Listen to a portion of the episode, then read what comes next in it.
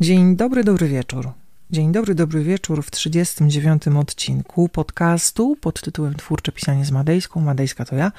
A w dzisiejszym odcinku opowiem o kilku elementach słabej fabuły i jak sobie z nimi poradzić. Tego odcinka, jak również wszystkich innych, możecie posłuchać na Spotify, Apple Podcasts, Google Podcasty, Deezer, Empik Go i pewnie w kilku innych miejscach, o których nawet nie wiem.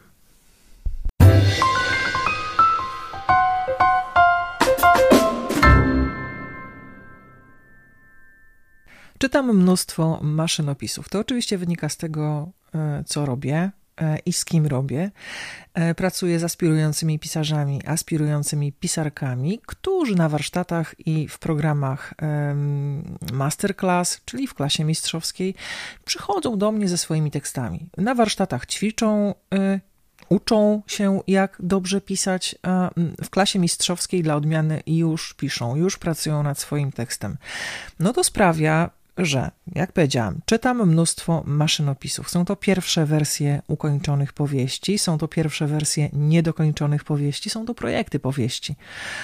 Mm, tak się składa, że mm, w tym zestawie prozatorskim rzadko zdarzają się opowiadania, dużo rzadziej, ale się zdarzają, co mnie bardzo cieszy, ponieważ to właśnie ten gatunek jest lub nie jest dowodem na, chciałam powiedzieć mistrzowski, ale po prostu dobry warsztat autorów, autorek. No, czytam więc część z tego, co czytam, to no to są świetne fabuły, bardzo często. One są potem drukowane, one odnoszą sukces na rynku komercyjnym. W części znajduje na, potencjał na, na dobre, bardzo dobre fabuły. Część to po prostu wystarczająco dobre, porządne rzeczy, a część projektów wymaga pracy już na poziomie planu, ponieważ nie lekceważyłabym planu. Zdarzają się autorzy, autorki, którzy się bez niego gubią.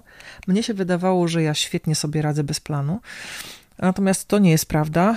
E, praktyka pokazuje, że mm, potrzebuję, może nawet nie osobiście, może nawet nie planu, ale ram, w których będę się poruszała. Pewne rzeczy muszę wiedzieć na początku. Muszę. Są jednak pisarze, którzy potrzebują planu dokładnego, mm, bo oni bez takiego planu tracą z jednej strony poczucie bezpieczeństwa, a z drugiej większość fabularnych kierunków. Bez względu na to, jak pracuję z autorami, autorkami, mm, w naszych dialogach, e, na konsultacjach indywidualnych wciąż się pojawia hasło fabuła. Mocna fabuła, słaba fabuła, skomplikowana fabuła, fabuła, fabuła, fabuła. Czym zatem jest fabuła? Mm, w tym momencie miałam ogromną ochotę przytoczyć Wam definicję ze słownika terminów literackich. To Biblia każdego polonisty, każdej polonistki. Nie wiem, jak jest teraz, ale ja wiele lat temu we Wrocławiu uczyłam się z tego słownika do egzaminów z poetyki i teorii literatury. Ta definicja nie ma dla nas większego znaczenia. Znaczenie ma to, mm, może co powiem. Krótko mówiąc, streszczę definicję dużo, dużo prościej. A jeżeli chcecie oczywiście sprawdzić, jak to wygląda słownikowo, to odsyłam, e, e, powtórzę raz jeszcze, do słownika terminów literackich. Fabuła Fabuła e, w definicji popkulturowej to uporządkowany projekt wydarzeń. E, to uporządkowany projekt motywacji, wyborów, działań bohatera. W końcu jest to projekt wydarzeń, który się rozgrywa w określonym czasie oraz w określonej przestrzeni. A gdyby ktoś z Was potrzebował jeszcze prostszej definicji, proszę, oto ona. Fabuła to ciąg zdarzeń przyczynowo-skutkowych, które wiążą się bezpośrednio z tym, czego chce, pragnie, potrzebuje główny bohater, główna bohaterka oraz z tym, w jaki sposób na to, co powyżej, czyli na to, czego chce, pragnie, potrzebuje i z jakiego powodu bohater albo bohaterka, odpowie antagonista albo antagonistka. Zacznijmy jednak od podstaw. Co się składa na dobrą fabułę? Właściwie na każdą fabułę. I uwaga, powiem o czterech podstawowych elementach fabuły. Każdej fabuły, i dobrej, i średniej, i złej. Ale ominę w tej wyliczance kontekst strukturalny. O elementach, pięciu niezbędnych elementach fabuły w kontekście struktury opowiadam w bezpłatnym nagraniu, do którego możecie uzyskać dostęp hashtag autopromocja, hashtag storyletter, zapisując się do mojego newslettera który nazwałam storyletterem. E, zapisu możecie dokonać na stronie ewamadejska.pl łamane przez storyletter. W tym nagraniu opowiadam o pięciu niezbędnych elementach fabuły w kontekście struktury. Możecie to nagranie potraktować w mm, kategoriach doskonałego wstępu do myślenia, być może dla wielu z Was po raz pierwszy, w kategoriach strukturalnej siatki Waszej opowieści. Teraz ogólnie. Pierwszym elementem każdej fabuły jest protagonista albo protagonistka wraz z celami, motywacjami, stawkami. O tych kwestiach mówiłam w odcinkach siódmym i dziewiątym. Chodzi o to, że bohater albo bohaterka ma cel, fabularny cel, który chce osiągnąć. Ten cel realizuje mm, w ciągu całej opowieści. Na przykład Anna, umówmy się, że Anna chce się wyprowadzić nad morze a może zmienić pracę, albo napisać książkę, albo pogodzić się z matką. To są konkretne cele, które Anna będzie realizować, podejmując szereg decyzji, wyborów, działań, uwaga, z jakiegoś powodu. Hmm? Tu mamy motywację. Pamiętajcie o tym, że wraz z celami warto budować pragnienia. One tworzą wewnętrzną mapę podróży, gdyż wasz bohater, wasza bohaterka podróżuje w opowieści zawsze w dwóch kierunkach: na zewnątrz, realizując cele, i do wewnątrz, realizując pragnienia. E, co to są pragnienia? To jest to wszystko, co jest nieokreślone. Czego Anna pragnie? Może Anna pragnie przy, rea przy realizacji swojego celu osiągnąć szczęście, albo spokój, albo spełnienie, albo sukces bo odpowiedź na pytania o uczucia i emocje leży blisko, a może nawet jest tożsama z pragnieniami. Pamiętajcie o tym, że cel jest konkretny, a pragnienie ani trochę. Szczęście, spokój, spełnienie, a nawet sukces to kategorie, które każdy człowiek i każdy bohater może eksplikować i realizować na własny sposób, i to zawsze będzie dobry sposób. Kolejną cechą drugą każdej fabuły właściwie nie cechą, a elementem jest antagonista albo antagonistka oraz ich cele antagonistów, antagonistek, ich motywacje, ich stawki. Mm, o tym mówiłam w odcinku 24. Mm, powtórzę to, co najważniejsze. Bez siły antagonistycznej nie ma opowieści. Bohaterowie, bohaterki mogą chcieć wszystkiego. Mogą chcieć zrealizować każdy cel, ale kiedy wszystko idzie gładko, historia przestaje mieć znaczenie. Warto antagonistę wybierać z uwagą, ale też z czułością. To takie modne słowo ostatnio, ale tak, chodzi właśnie o czułość. Zatem, jeżeli Anna ma prosty cel, umówmy się, na przykład wyprowadzić się nad morze, to kto chce i z jakiego powodu, to jest to motywacji, jej to utrudnić mm, albo udaremnić. To samo z każdym innym e, celem Anny: zmienić pracę, znaleźć męża, urodzić e, dziecko, napisać książkę, pogodzić się z matką. Na drodze do każdego celu stoi siła antagonistyczna. Ta antagonista, antagonistka nakręcają fabuły, więc nie odwracajcie się od konfliktowych charakterów, które mogą być sympatyczniejsze niż się wam wydaje. Jak na przykład przeuroczy agent FBI, który chce dorwać uroczego oszusta w filmie Złap mnie, jeśli potrafisz. Obejrzałam ten film po raz pierwszy. Tak, po raz pierwszy. Na płycie, w domu, w na wsi. Nie miałam dostępu do internetu, mm, ale płyty DVD e, owszem pomyślałam sobie, to jest naprawdę dobrze zrobiony e, film. Mhm, warto. A więc antagonista to nie zawsze ten zły. Antagonista to jest ten, który stoi na drodze do realizacji um, celu przez waszego bohatera, przez waszą um, bohaterkę.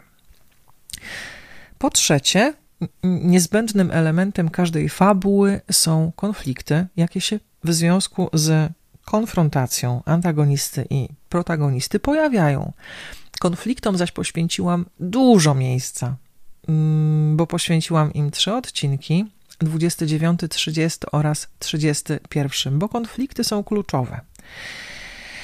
Mm, chociaż moim zdaniem jeszcze ważniejsze są napięcia. Łatwo zrobić konflikt, ale sprawić, żeby utworzyło się napięcie, bo wstało napięcie między poszczególnymi scenami z konfliktami, oto jest prawdziwa sztuka. Dużo trudniejsza niż sam konflikt, bo konflikt i napięcie to nie to samo.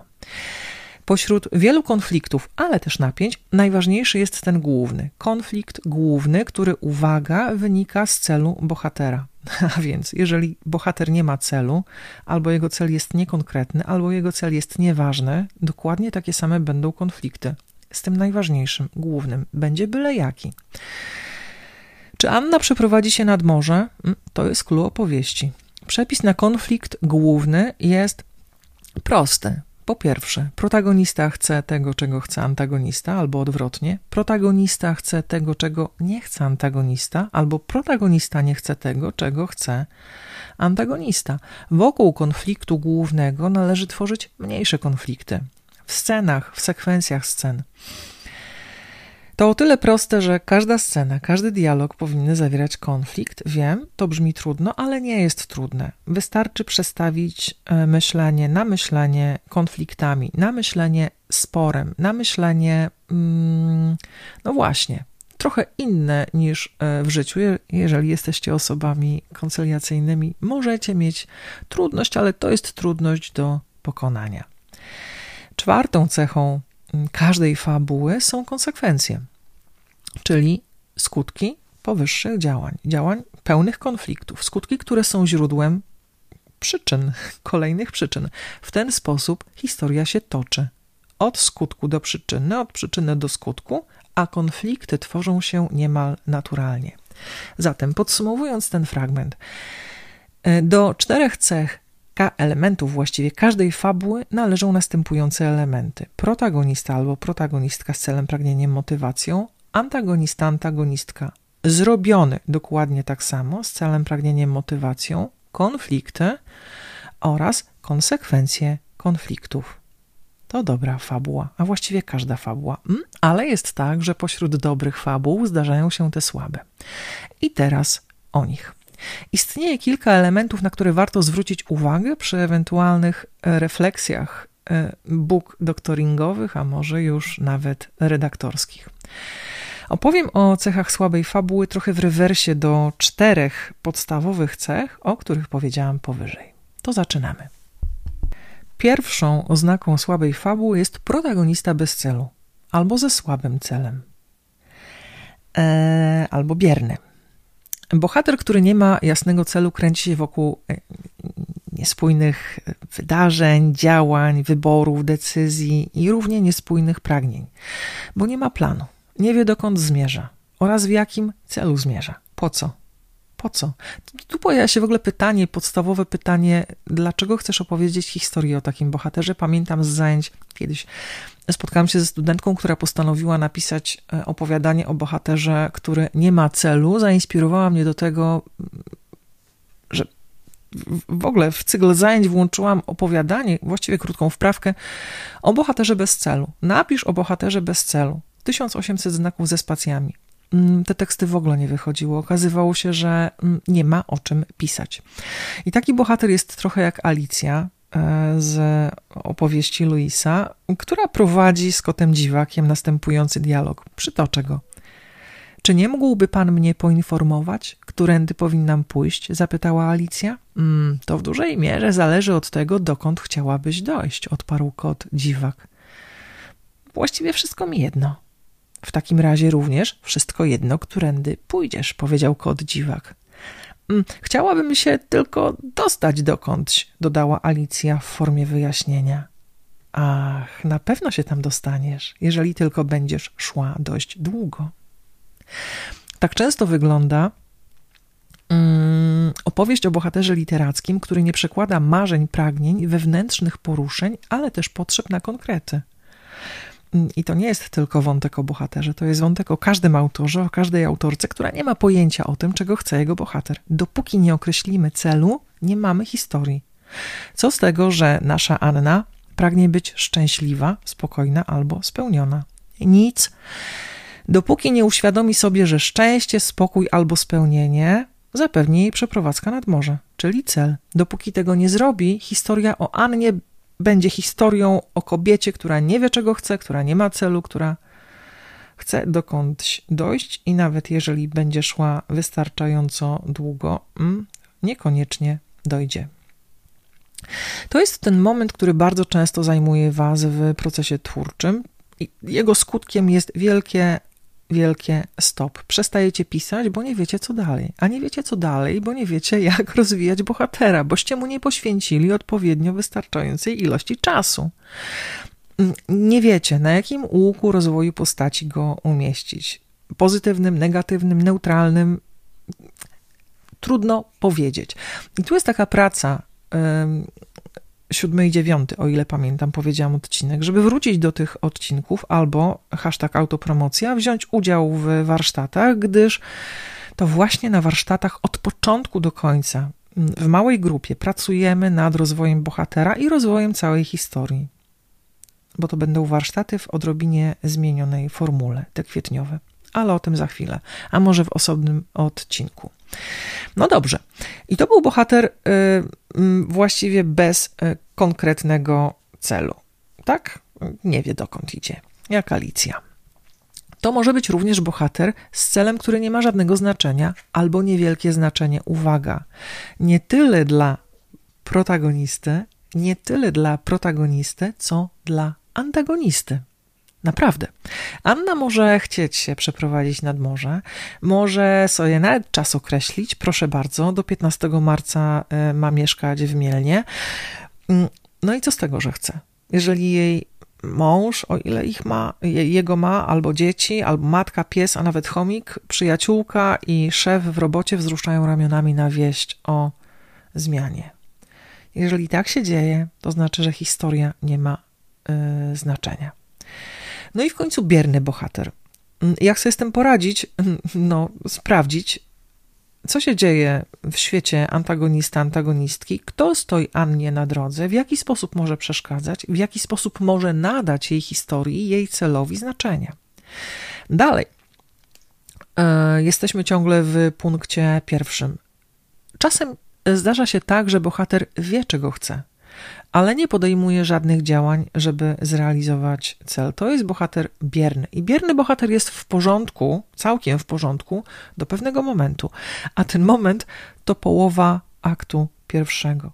Mm, ewentualnie yy, końcóweczka. To jest ten moment, w którym bohater musi wyruszyć, jak pisze Joseph Campbell, po eliksir.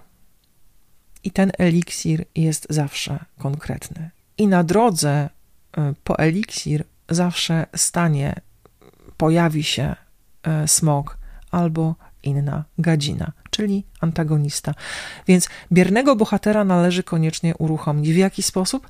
Po czym poznać w ogóle biernego bohatera? Bierny bohater to taki y, koleżka albo koleżanka, któremu się przydarza, któremu się ciągle przydarza.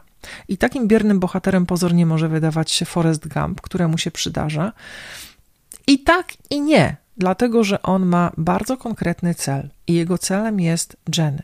E, wszystkie mniejsze e, wątki w tej opowieści prowadzą właśnie e, do niej. Dobrze, to pierwsza oznaka słabej fabuły, a teraz druga. Drugą oznaką słabej fabuły jest protagonista albo protagonistka, który nie ponosi kosztów. Ten element wiąże się ze stawką. Protagonista, ale myślę też o protagonistce, płeć, wiek, status społeczny nie mają znaczenia mm, w tym e, krótkim wykładzie, więc protagonista powinien ponosić realne koszty fabularnej podróży. No, dąży do celu i jakie koszta ponosi, jak w życiu. Wszystko, co robimy i ty, i ja, ma swoją cenę. Walutą może być czas, energia, mogą być pieniądze, mogą być zasoby emocjonalne, mentalne, fizyczne. Ważne sprawy wymagają poświęceń, nie są łatwe. Zatem protagonista powinien ponosić konkretne koszty. E, protagonista, który ponosi koszty, czasem czuje ból, i ten ból mają szansę poczuć również czytelnicy, czytelniczki. Protagonista, który ponosi więcej niż koszty, ponosi ofiary w walce o to, co jest dla niego ważne, to protagonista, który budzi emocje. Emocje zaś to klucz do serc odbiorców. Sprawdźmy, co z naszą Anną. Może jej przeprowadzka nad morze wiąże się z utratą dobrej pracy. Może dla wymarzonego życia musi poświęcić związek romantyczny. A może związek z dzieckiem. Czy jest to dziecko małe, czy dorosłe? To są odpowiedzi kolejne pytania kolejne i kolejne odpowiedzi. Wszystko zależy od tego, w jakiej sytuacji życiowej jest Anna. Więc może stając twarzą w twarz z antagonistyczną siłą będzie musiała wybrać, będzie musiała zmierzyć się z największym kłamstwem swojego życia. Na przykład, muszę opiekować się matką, nie mogę porzucić męża, moje dziecko jest moją smyczą. I będzie musiała w takiej scenie, którą e, w strukturze nazywamy klimaksem, wybrać prawdę. W ogóle wybrać, albo nie wybrać. To zależy od Anny i to zależy od historii. Zatem, jeżeli protagoniście wszystko idzie gładziutko, nawet jeżeli tworzycie konflikty mm, i coś tam się dzieje pozornie, jakieś mikronapięcia, może jest dobrze, a może wcale nie jest dobrze, bo być może są to konflikty i napięcia za słabe, być może koszta są za małe. To się dzieje często w przypadku autorów początkujących, którzy tak bardzo związują się e, ze swoimi bohaterami, bohaterkami, że obawiają się ich albo je skrzywdzić. Tymczasem bohatera należy krzywdzić. Należy mu odbierać to, co jest dla niego ważne, bo to są ciągle koszta. Należy mu odbierać spokój, należy mu odbierać pieniądze, należy mu odbierać zdrowie. To ważne. I odnosi się do kosztów. Zatem sprawdzajcie, czy wasz protagonista e, rzeczywiście dostaje w kość. Trzecią oznaką słabej fabuły jest słaby antagonista, chociaż pozornie silny, bo tutaj wcale nie o siłę chodzi. Bo taki silny, ten zły, ten niedobry, ten wszystko komplikujący, on jest zbyt oczywisty, on jest zbyt jednoznaczny. Ja osobiście nie lubię takich antagonistów, chociaż historia literatury i historia kina pokazują, że oni się całkiem nieźle sprzedają. Nie każdy jest Voldemortem albo Lordem Vaderem. Hmm? E, według mnie według mnie tacy antagoniści to są produkty e, czystej popkultury. Dla mnie, osobiście dla mnie, podkreślam, to jest tylko i wyłącznie moje zdanie, tacy antagoniści to są e, bohaterowie porzuceni, zaniedbani i schematyczni.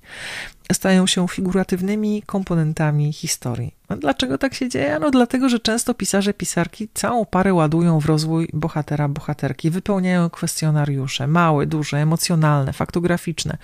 Piszą życiorysy głównych bohaterów, pierwsze sceny z dialogami w roli głównej i to wszystko jest w porządku. Ale po takiej robocie nie ma czasu, ani energii, ani ochoty na pracę z Mm, antagonistą. Antagonista czeka w kolejce i często nie ma szansy się doczekać. W ten sposób powstają czarne charaktery, źli mężczyźni, złe kobiety, nikczemne kreatury, które w schematyczny sposób stają na drodze bohaterów, bohaterek i robią tak złe, jak schematyczne rzeczy. W ten sposób konflikt główny staje się konfliktem tak samo schematycznym jak antagonista. Co z tym zrobić? Zająć się antagonistą, i to uwaga, mówiłam o tym pewnie wielokrotnie, przed protagonistą. Przepracować go tak jak protagonistę, może nawet z taką samą uwagą, może przy pomocy tych samych kwestionariuszy, dialogów, e, scen z konfliktem. Proszę bardzo, ale sprawdźcie, co się wydarzy, jeżeli zaczniecie pracę od niego. Nagle okaże się, nagle okaże się, że jest co, że jest to on, protagonista, wielki cudzysłów, osoba. Taka osoba, która chce która pragnie, która potrzebuje, która ma swoje motywacje, która wie, dokąd zmierza i dlaczego zmierza. Z tak ustawionym antagonistą łatwiej wam będzie zacząć pracę z protagonistą. Mm. Bo, bo tutaj zerkam do notatek. No właśnie, łatwo sobie wyobrazić, że antagonistką naszej Anny jest na przykład radioaktywna, psychopatyczna matka. Manipuluje córką, domaga się całej uwagi, jest zazdrosna o jej relacje. Kiedy Anna jest z matką, no wciąż ją Annę krytykuje. Kiedy Anna nie jest z matką, budzi w niej poczucie winy, że zajmuje się własnym życiem. Anna chce zacząć swoją historię, nową historię, bez matki. Bo do tej pory okazało, okazywało się, że jej życiem jest tylko i wyłącznie matka. W takiej sytuacji łatwo zbudować konflikt na takiej matce. Tyle, że taka antagonistka staje się jednowymiarowa. Żaden psychopata, żadna psychopatka nie jest taka, a nawet uwaga. Jeżeli jest w życiu, to powiem wprost i będzie to brutalne, mało mnie to obchodzi. Mało mnie to obchodzi, bo ja potrzebuję bohatera, tutaj, na pozycji antagonisty, naprawdę pełnowymiarowego. Z jego ogromnym dlaczego, z jego ogromnym chcę, z jego ogromnym pragnę i z moim wielkim rozumiem. Nie muszę cię lubić, drogi antagonisto, droga antagonistko, ale chcę cię rozumieć, a może nawet, uwaga, i to jest dopiero sztuka, współczuć, wykreować takiego antagonistę. No, to powiem wam, wielkie szapoba z mojej strony. Czwartą oznaką słabej fabuły są powtarzalne konflikty. Hmm? Załóżmy, że nasza Anna już wie, że chce wyjechać nad morze. Potrzebuje radykalnej zmiany w życiu, wiadomo.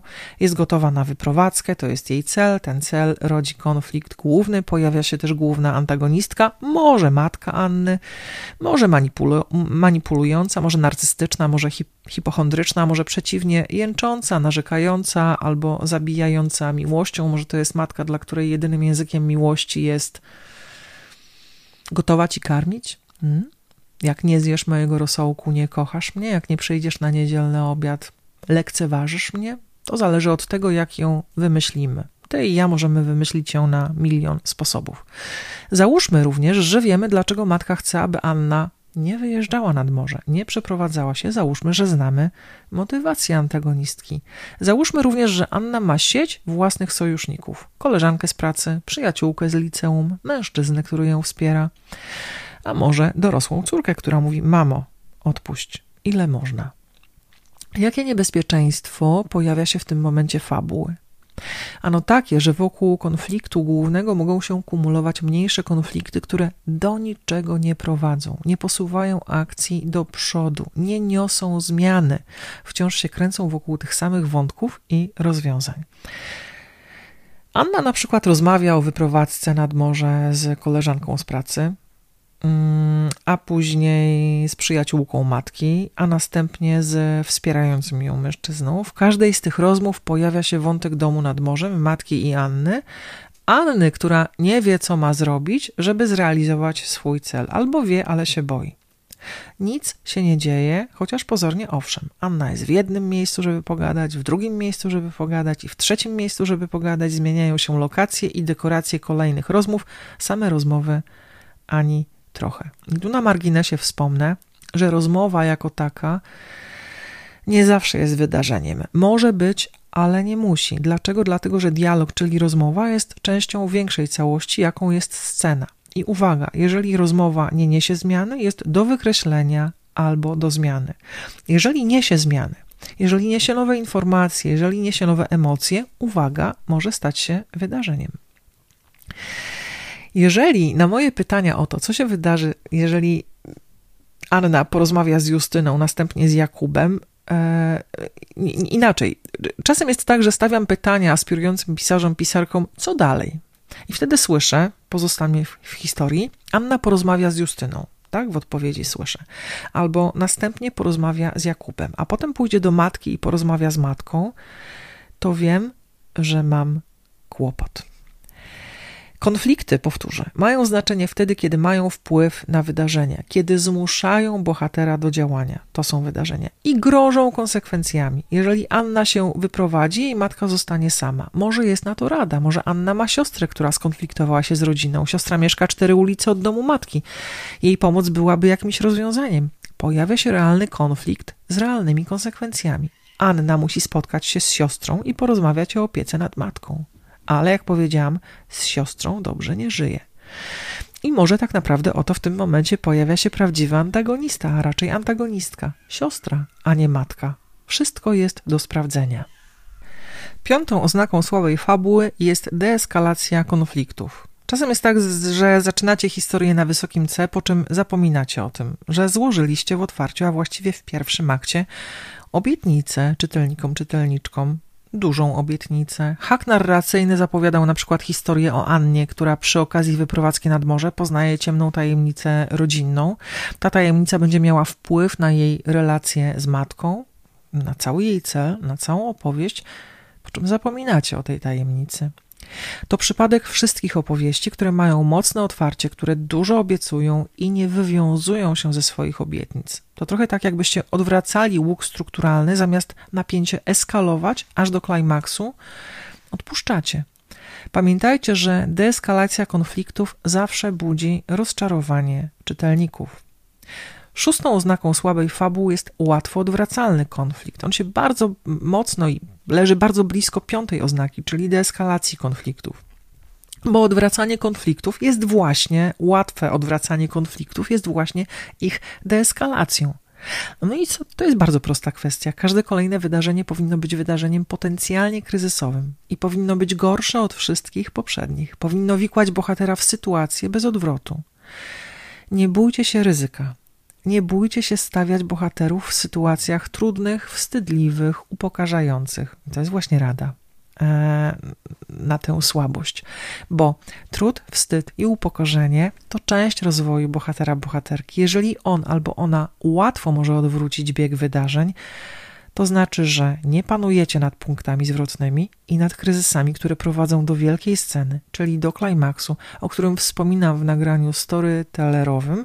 Bardzo dokładnie mówię oczywiście, hashtag autopromocja, na warsztatach, bo to na warsztatach dzieje się tak naprawdę najwięcej. Um, dobrze, to tyle. E, o punkcie szóstym. E, siódma oznaka słabej fabuły to cudowne rozmnożenie ale ani chleba, ani ryby, lecz postaci niezwykłych wydarzeń i jeszcze bardziej niezwykłych rozwiązań. Cudowne rozmnożenia pojawiają się wtedy, kiedy autorzy, autorki tracą kontrolę nad fabułą i zamiast zadbać o to, co jest przyczyną problemu, cel bohatera, co za niespodzianka, tu jest naprawdę wszystko w nim, w celu bohatera, protagonisty, ale też antagonisty. No więc zamiast zadbać o cel, i o bohatera wprowadzają do opowieści nowe elementy, licząc na to, że mm, wszystko się ułoży. Albo niezwykłe wydarzenia. To jest taki przypadek, że ja widziałam to w literaturze dla kobiet, że jak już nie wiadomo, jak bohatera styrać, jak go złamać, no to wiecie, to nagle traci wzrok. Albo wpada na drzewo i odbiera mu nogi na dwa rozdziały. A potem oczywiście cudownie wstaje, bo bo się zakochał i miłość daje mu taką siłę. Widzicie te głupoty? No właśnie. W naszej opowieści o Annie mogłaby to być jedna z trzech następujących głupot. Mm. Pierwsza głupota. Jeżeli nie wiesz, co dalej, zdetonuj bombę. To zawsze dobrze robi. Przykłady bomb powyżej. Jeżeli chcesz więcej emocji, e, zabij kogoś. Mm, no, nie zawsze. I po trzecie, jeżeli robi się nudno, wrzuć do historii kilku kolejnych antagonistów. Każda z tych głupot niesie konsekwencje. Pierwszą, na, najpoważniejszą tak naprawdę może być zmiana gatunku. Nie zmienia się gatunku w połowie opowieści, tylko dlatego, że morderstwo budzi więcej emocji. Uwaga! Może się jednak okazać, że owszem, że tykająca bomba w samochodzie Anny albo morderstwo matki albo siostry stanowią właściwy konflikt opowieści. No, ale wtedy nie będzie to historia o przeprowadzce nad morze. Co wtedy? Wtedy na początek i od początku trzeba zacząć pisać z nowym celem Anny, z nowym pragnieniem, z nową motywacją i z zupełnie innym, prawdopodobnie antagonistą. Bo z opowieści o wolności, niezależności, może o późnym dojrzewaniu, trudno zrobić thriller albo kryminał. To po pierwsze. A po drugie, jeżeli macie pokusę, żeby wprowadzić na scenę nowego bohatera, zawsze zastanówcie się, czy jest to potrzebne. Prawdopodobnie jest tak, e, że macie już w zasobach takie postacie, które doskonale mogą wykonać robotę nowych bohaterów. Nie należy według mnie wprowadzać zbyt wiele nowych postaci. Niepisana, o ile pamiętam, zasada scenariopisarska mówi, że najpóźniej do połowy drugiego aktu powinni się pojawić wszyscy. No chyba, że się takich bohaterów podprowadza wcześniej. Anna i jej siostra mogą mówić o ciotce z Ameryki od pierwszego aktu i o jej pieniądzach. Mogą do niej pisać w sprawie pożyczki, więc kiedy ciotka pojawia się nagle w akcie trzecim, wielkiego zaskoczenia nie będzie, bo mamy bohaterkę podprowadzoną. Mm, I to jest w porządku. To wymyka się e, kategorii, fatalnej kategorii rozwiązań fabularnych, które nazywa się e, w teorii literatury rozwiązaniem Deus ex machina. Ósma oznaka słabej fabuły, ale jest pytanie, i co z tego? Mamy więc bohaterkę z celem, naszą Annę. Mamy antagonistkę, konflikt główny, komplikacje. Wiemy, w jakim gatunku piszemy. Wszystko wygląda poprawnie. Pojawia się jednak pytanie podstępne. takie, które podcina fabularne nóżki każdej opowieści, ale też każdemu autorowi i każdej autorce. Eee, dlaczego mam czytać historię o Annie, która chce się przeprowadzić nad morze? I co z tego, że chce? Co mnie to obchodzi? Nie macie pojęcia, przy ilu opowieściach zadawałam sobie, bo jednak nie zawsze autorom i autorkom, a przynajmniej nie wprost, podobne pytania. Jeżeli czuję, że pojawia się we mnie pytanie, i co z tego? Mhm, pojawia się kolejne pytanie: co jest z fabułą nie tak? Jasne, znowu wracamy do celu bohatera. No i pytałam siebie w wielu miejscach, co mnie obchodzi Twoja opowieść? Nie mam z nią nic wspólnego. Ani z Twoją bohaterką, ani z Twoim bohaterem. Nic nie czuję, kiedy czytam, przecież tu się nic nie dzieje. O czym mogą świadczyć podobne wglądy? Wglądy nie tylko nauczycielki twórczego pisania, ale przede wszystkim czytelniczki. O braku emocji. Uwierzcie mi, niewiele wspólnego mam z wieloma bohaterami, z tak wieloma, że nie jestem w stanie ich wszystkich wymienić, a jednak przeżywałam ich przygody. Chciałam wiedzieć, co się z nimi stanie. Mm, bo co ja mam wspólnego, wiecie, z Harrym Potterem? Nic, prócz córek, które były w nim zakochane, niektóre ciągle są. Kluczem do odpowiedzi na pytanie i co z tego, albo co mnie to obchodzi, jest kolejne pytanie. Co jest stawką waszego bohatera, waszej bohaterki? I to jest trochę o kosztach, trochę o eskalacji konfliktów, bo stawka odpowiada na pytanie, co straci on albo ona, podkreślam, co straci, niekoniecznie zyska, jeżeli przegra rywalizację z antagonistą. Podpowiem, że zawsze chodzi o śmierć. O trzech rodzajach śmierci mówię w nagraniu story letterowym, znowu hashtag autopromocja, które warto odsłuchać dla tego krótkiego fragmentu, chociaż nie tylko. Więc proszę, nie lekceważcie stawki, czyli wielkiego tracę bohatera albo bohaterki. Nasza Anna w prostej historii o zmianie życia z całą pewnością też traci życie. Może dosłownie, a może nie do końca. Dziewiątą oznaką słabej fabuły jest taka sytuacja, w której kontekst zamienia się w podtekst. Y, o podtekście nagram wkrótce osobny odcinek. Wspominałam o nim w odcinku o dialogu. Powiedziałam wtedy, że budowanie podtekstu jest jedną z najważniejszych umiejętności pisarza, mm, pisarki. Podtekst to wszystko, co bohaterowie myślą, ale czego nie mówią. To wszystko, co mówią, ale czego nie myślą. Wreszcie to wszystko, czego nie mówią i może nawet nie myślą, lecz robią i odwrotnie. To, czego nie robią, chociaż obiecują, że zrobią. Wiem, jak to brzmi, nam trochę hermetycznie, ale wcale takie nie jest. Wystarczy myśleć opozycjami. Podtekst jest tym, co ukrywacie między wierszami, a co z drugiej strony uwaga, wyraźnie podprowadzacie. I to jest sztuka. I niech mi nikt nie mówi, że pisanie jest łatwe i że wystarczy znajomość alfabetu. Dobry podtekst czytelnicy zauważą i zanotują w pamięci, bo kiedy przyjdzie czas, gdzieś tam w pewnym momencie, czas na rozczytanie podtekstu, łatwo połączą fabularne kropki i łatwo na przykład w rozdziale 11 zrozumieją o co chodziło w rozdziale trzecim i przeżyją to, co uwielbiają przeżywać moment eureka albo moment aha. Aha, to o to chodziło. Dla takich momentów czyta się literaturę. Podtekst jest potężnym narzędziem do kreowania głębokich dialogów, scen, postaci, całych historii. Bywa jednak zwodniczy. Część autorów, autorek, i z takimi też miałam do czynienia, uważa, że w związku z tym może nie mówić, nie pisać wszystkiego. I to przypadłość początkujących. Często słyszę na zajęciach o oryginalności, o tym, że oni, one nie chcą opisywać wszystkiego. To takie proste, za proste. Nie wolno obrażać inteligencji czytelników. Jasne, nie wolno.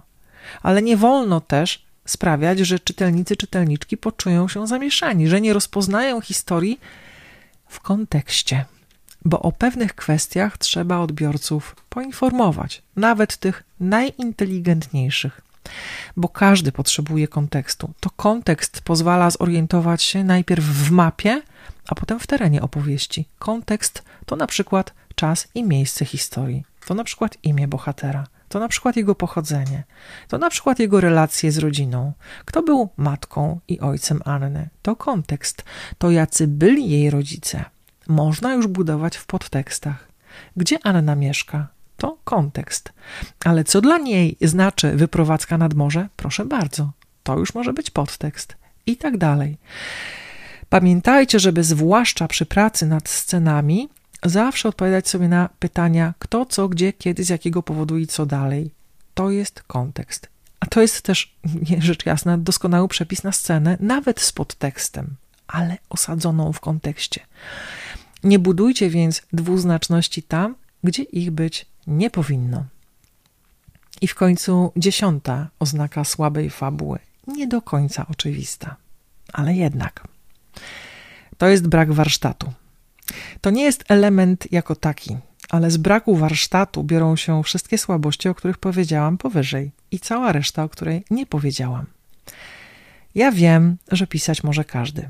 Ja wiem, że próg wejścia w literaturę jest naprawdę żaden. Wystarczy znać alfabet, podstawy gramatyki i mieć wielkie marzenie o tym, żeby napisać książkę. Czemu nie? Proszę bardzo. Ja wiem, że można samodzielnie wydać książkę z numerem ISBN i to też jest w porządku. Czemu nie? To jedna z alternatywnych ścieżek yy, wydawniczych, moim zdaniem świetna. Sama o niej myślę. Można mieć talent literacki, naprawdę. Można układać zgrabne zdania, konstruować przejmujące sceny, pisać zmysłowe opisy. Jeżeli jednak nie jesteście pewni, jak na przykład i brak talentu i talent ujarzmić warsztatem, czyli na przykład proste rzeczy, łukiem rozwoju bohatera, łukiem rozwoju historii, logicznie prowadzonym konfliktem, katastrofą na końcu każdej sceny, sekwencji scen. Uwaga, czy wiecie, jak się buduje skuteczne katastrofy i czym one w ogóle są? No właśnie. Więc jeżeli tego wszystkiego nie wiecie, czeka Was cudowna zabawa przy pisaniu do pewnego momentu, może nawet do ostatniej kropki, a potem mnóstwo pracy przy redakcji. Możliwe, że od początku. Macie na to czas, energię, cierpliwość? Żadnej powieści nie uratują głębokie monologi, wnikliwe fragmenty, poruszające frazy, inteligentne pod, podteksty. One są ważne, ważne są, pewnie, że tak. A zarazem zupełnie bez znaczenia, jeżeli macie bohatera, który ma na imię nikt, albo każdy, który wygłasza filozoficzne monologi na trzy strony w przestrzeni nigdzie, a dialogi prowadzi na 33 strony, a jego antagonistą jest nie wiadomo kto. Więc uczcie się warsztatu, niekoniecznie u mnie. Ja jestem bardzo wymagająca i mało pluszowa. Możliwe, że wystarczą Wam kursy u przytulnych nauczycieli i nauczycielek pisania, którzy, które opowiadają o warsztacie tyle, ile trzeba, a przy okazji przytulą, pogłaszczą, pochwalą. To czasem jest potrzebny. Ja z przytulaniem mam relację mocno skomplikowaną, a pluszowe tylko legowiska dla kotów. Uwaga, właśnie znalazłam szóstego. Mhm, kota. Powtórzę. Uczcie się warsztatu. Przyda się Wam nie tylko przy pracy nad tekstami literackimi. W końcu życie jest jak powieść. Wcześniej albo później wszyscy lądujemy w aktach pierwszych, drugich, a w końcu w aktach trzecich. W rozmaitych sytuacjach, w rozmaitych kontekstach. Podsumowując, wymieniłam powyżej 10 subiektywnych elementów słabej fabuły. Są to, powtórzę, protagonista bez celu, ze słabym celem, albo bierny protagonista. Po drugie, protagonista, który nie ponosi kosztów i konsekwencji w związku z tym, co robi. Po trzecie, słaby antagonista. Po czwarte, powtarzalne konflikty. Po piąte, konflikty, które zamiast eskalować, deeskalują. Po szóste, łatwo odwracalne konflikty. Po siódme, cudowne rozmnożenie bohaterów, wątków, rozwiązań. To oznacza, że brakuje wam stawki. Po ósme, Pytanie, na które odpowiedzi trzeba szukać w stawce, to ona buduje emocje, a to pytanie brzmi: i co z tego? Lub dlaczego ta historia ma mnie obchodzić? Po dziewiąte, kontekst, który zamienia się w podtekst. I po dziesiąte, przyczyna wszystkich błędów brak warsztatu. Warsztatowo tyle na dzisiaj. Słyszymy się już niebawem. Może w nowej formule, bo myślę o niej, a myślę, ponieważ czuję, że potrzebuję przynajmniej od czasu do czasu zmiany. Chodzi mi po głowie cykl spotkań, nagrań z hashtagiem literatura na warsztacie. Chciałabym się z Wami poprzyglądać rozmaitym tekstom, właśnie warsztatowo i narzędziowo, z gatunków fiction i non-fiction, ale też rozmaitym podręcznikowym teoriom i posprawdzać, co w literaturze i co z rozmaitych narzędzi działa w opowieściach, a co może wcale nie do końca, z czym się nie dyskutuje w ogóle, a co jednak można zakwestionować. I już e, na, na, całkowity koniec e, wątek z hashtagiem autopromocja. Zapraszam do Storylettera po raz kolejny dzisiaj, czyli newslettera, w którym piszę o warsztacie pisarskim, o narzędziach, ale nie zawsze, bo ile można o narzędziach. Wiem, że moje milczenie, ostatnie milczenie, spora przerwa w Storyletterze wynikało wynikło właściwie z tego, że poczułam, że moja pasja stała się moim przekleństwem. E, mam taki przymus, żeby mówić ciągle o warsztacie. Z drugiej strony czuję, że, że nie mogę i że czasem ocieram się o granice nudy i zniecierpliwienia. E, ja sama w sobie, bo ile można wciąż o celu bohatera, sami widzicie. Wszystko zaczyna się w nim i kończy się na nim. E, Story letter wysyłam e, do Was w dwóch formatach, pisanym i nagranym. Możecie go przeczytać, ale możecie go też odsłuchać w formacie MP3. Każde nagranie możecie ściągnąć gdziekolwiek, na komputer, na laptop, do telefonu. Z tymi nagraniami bywa jednak różnie, bo czasem piszę daleko od mikrofonu i najzwyczajniej w świecie nie mogę nagrać tego, co napisałam. Tak wychodzę z domu, żeby popracować. Link do Storylettera znajdziecie w opisie odcinka, a do nagrania o pięciu strukturalnych elementach fabuły po zapisie. Co jeszcze? No może to, że na Waszą prośbę zdecydowałam się na spotkania indywidualne online. Y, na długo je zawiesiłam, ale wróciłam do nich. Nazwałam je treningami. One są trochę o pisaniu, a trochę o Was w pisaniu. To zależy od tego, czego potrzebujecie. Czasem potrzebujecie przegadać to, nad czym pracujecie. Taka rozmowa sporo rozjaśnia w tekście i w Waszych procesach twórczych, a czasem potrzebujecie pogadać o sobie w kontekście pisania, chociaż częściej nie pisania. To jest przestrzeń na treningach e, nieocenna, bezpieczna i chcę, aby taka e, pozostała. Nie do końca pluszowa, bo zawsze mówię jak jest. Tak mam.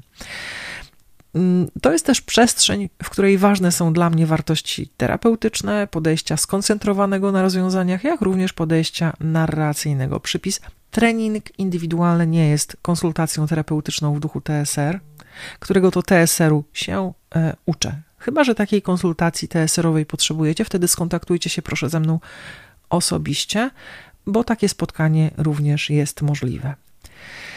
I najważniejsze, czy będę czytać teksty lub fragmenty tekstów w ramach treningów indywidualnych? Na razie nie i w ogóle tekstów e, czytać nie będę. Nie dlatego, że e, nie chcę, to nie o to chodzi. Chodzi o optymalizację działań. Zawsze, ale to zawsze w przypadku analiz i recenzji tekstów osób, z którymi nigdy nie spotkałam się osobiście w programach edukacyjnych, pracę zaczynam od początku, czyli od tego, o czym dzisiaj. Od celu, pragnienia, motywacji, stawki, od emocji i takie spotkania zawsze zamieniają się w taki sam wykład, mój wykład. A tekst najczęściej trzeba przepisać e, albo napisać od początku. Więc tak, czytam wszystko, co piszecie, ale wyłącznie w ramach programów warsztatowych i programów e, master class. Mm, treningi znajdziecie na stronie szkoła.ewamadejska.pl, e, natomiast całą ofertę programów warsztatowych i programów masterclass na mojej stronie ewamadejska.pl w zakładce programy grupowe.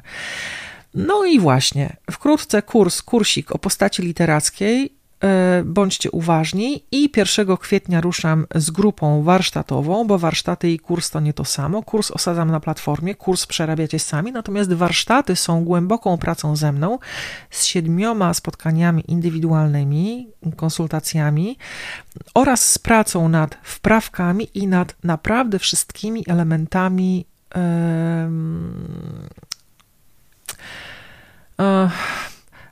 Nad tym wszystkim, żeby fabuła była dobra, a więc nad bohaterem, nad strukturą, nad dialogiem, nad konfliktem, nad katastrofą. To są wszystkie narzędzia, których potrzebujecie, żeby samodzielnie pisać.